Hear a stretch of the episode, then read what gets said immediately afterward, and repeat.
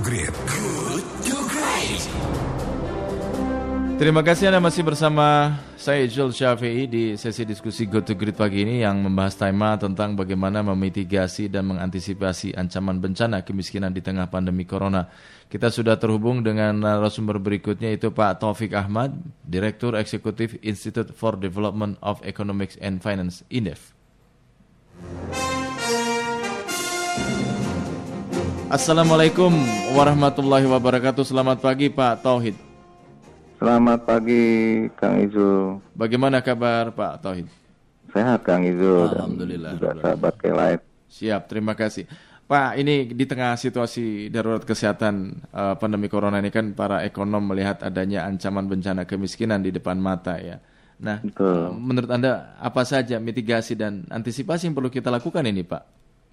Ya pertama tentu saja eh, kita harus mengandalkan sumber daya yang ada di masyarakat. Hmm. Nah yang saya kira paling basis terutama di wilayah pedesaan adalah solidaritas sosial yang saya kira perlu ditingkatkan lagi. Misalnya kita perlu tahu mulai siapa saja yang terkena dampak secara langsung, tidak punya penghasilan, kena PHK dan sebagainya. Hmm. Nah, solidaritas sosial ini penting agar cepat tertangani sehingga paling tidak bantuan dan sebagainya bisa langsung diberikan terutama bagi eh, kelompok masyarakat yang eh, beruntung ataupun kaya di sekitar lokasi bisa memberikan bantuan eh, secara langsung begitu. Paling tidak bertahan sampai beberapa bulan ke depan. Iya. Nah, ini memang harus perlu diorganisir secara masif di eh, level terkecil, apakah RT, RW ataupun desa ataupun kelurahan. Hmm. Yang kedua tentu saja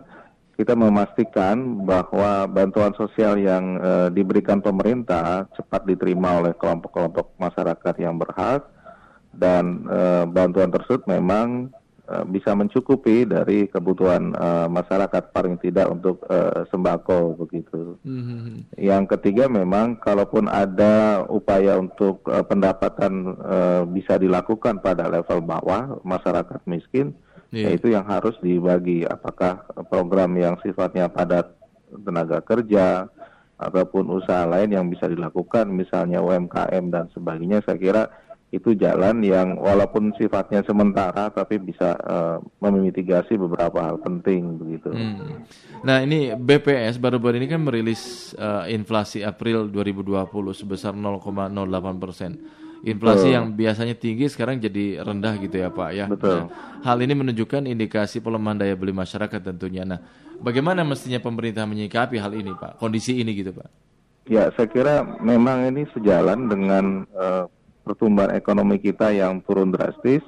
Jadi eh, baru-baru saja ya, kalau nggak salah dua atau tiga hari lalu BPS mengumumkan pertumbuhan ekonomi kita turun dari eh, biasanya 5,07 menjadi 2,79 dan eh, parahnya adalah konsumsi masyarakat yang turun drastis, eh, biasanya mencapai 5 persen, sekarang hanya eh, apa lebih rendah, hampir dua, hampir tiga. Jadi Iya. hampir separuhnya tuh berkurang eh, drastis begitu. Nah, eh, karena konsumsi rumah tangga menjadi basis, otomatis kan kebutuhan mereka tidak bisa ditangani. Nah, Iya. menurut saya ini senyaman memang daya beli eh, rendah sekali dan eh, dan ini perlu eh, ada upaya yang serius eh, bagaimana menjaga daya beli ini eh, tetap ber- tetap apa tetap eh, bertahan. Nah, memang kalau misalnya dampaknya bagaimana ke kemiskinan, memang kalau saya lihat eh, lebih cenderung bukan karena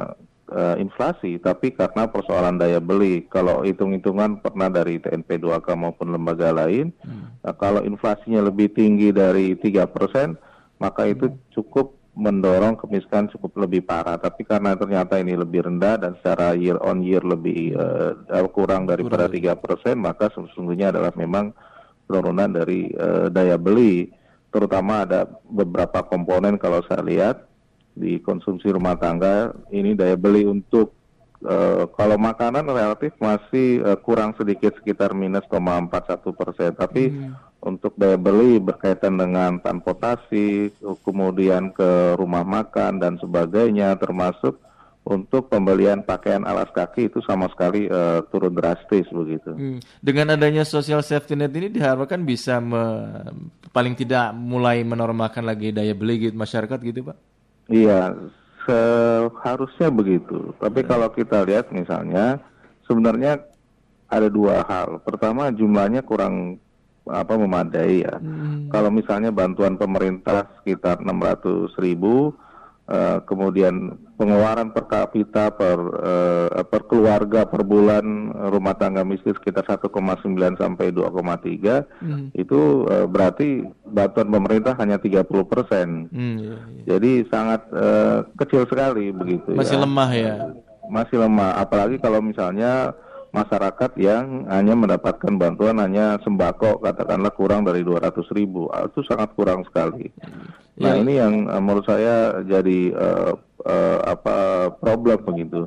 Yang kedua di saat yang sama bantuan kurang mereka juga tidak punya penghasilan. Kalau hmm. dalam kondisi normal saya kira bantuan tersebut lebih dari cukup. Tapi yeah, karena yeah. kondisi tidak normal mereka hmm. tidak punya penghasilan itu yang menyebabkan uh, apa konsumsi mereka turun drastis dan tentu saja uh, kemiskinan akan nambah begitu. Lalu hal apa yang patut diperhatikan pemerintah ini melalui tadi ya bantuan sosial yang dikucurkan ya. supaya betul-betul jadi benteng gitu Pak bagi masyarakat yang berpendapat rendah uh, supaya tidak tergelincir dalam jurang kemiskinan gitu loh. Ya, menurut saya uh, pertama seluruh bentuk uh, katakanlah bantuan sosial uh, kalau bisa memang uh, kita harus tepat sasaran uh, sesuai dengan uh, yang disyaratkan oleh pemerintah dengan enam program baik PKH, sembako, subsidi listrik, BLT, kartu prakerja dan sebagainya.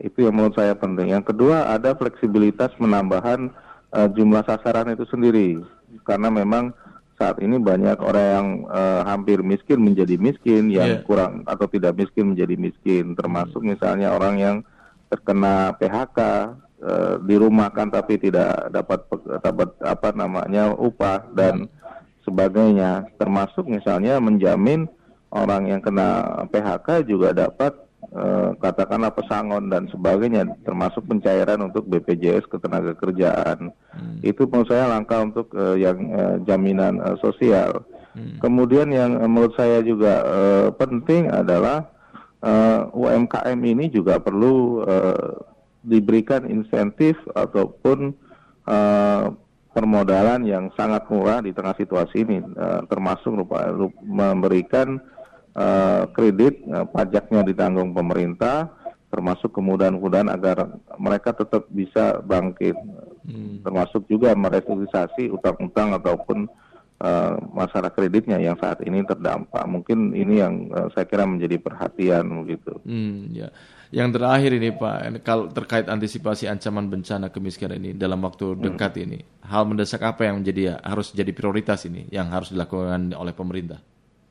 Ya, menurut saya eh, situasi sekarang kan uh, sudah agak genting ya. Uh, menurut saya secara kelembagaan pemerintah pusat dan pemerintah daerah harus bersinergi kalau mungkin kan antara Kemensos kemudian uh, tim nasional penanggulangan kemiskinan dan daerah membuat uh, satu des yang terdiri uh, banyak uh, lembaga dan itu ter uh, apa uh, terdata satu uh, satu sama lain begitu hmm. karena yang ada kan baru di kesehatan tapi hmm. yang di sosialnya belum belum ada begitu saya kira sehingga mereka bisa melaporkan perkembangan masing-masing daerah sehingga itu cepat bisa ya. diantisipasi. Baik. Yang kedua hmm. tentu saja adalah uh, pemerintah harus menambah realokasi anggarannya yang hmm. sudah diberikan hmm. untuk bansos ini tidak tidak apa kurang sekali begitu. Tentu hmm. saja kita harus uh, melihat uh, banyak program di stimulus satu dua yang belum berjalan bisa dialihkan termasuk di program ekonomi yang belum ada bisa dialihkan untuk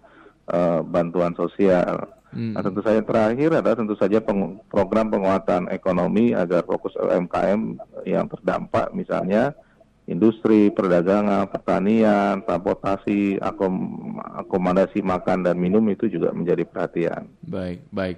Baik, terima kasih Pak Tauhid Ahmad atas waktunya kita bincang-bincang pagi ini. Sebagai terima kasih Kang Ijul. Ya. Assalamualaikum warahmatullahi wabarakatuh. Waalaikumsalam warahmatullahi Demikian sahabat kilat Tauhid Ahmad, Direktur Eksekutif Institute for Development of Economic and Finance Indef Jakarta.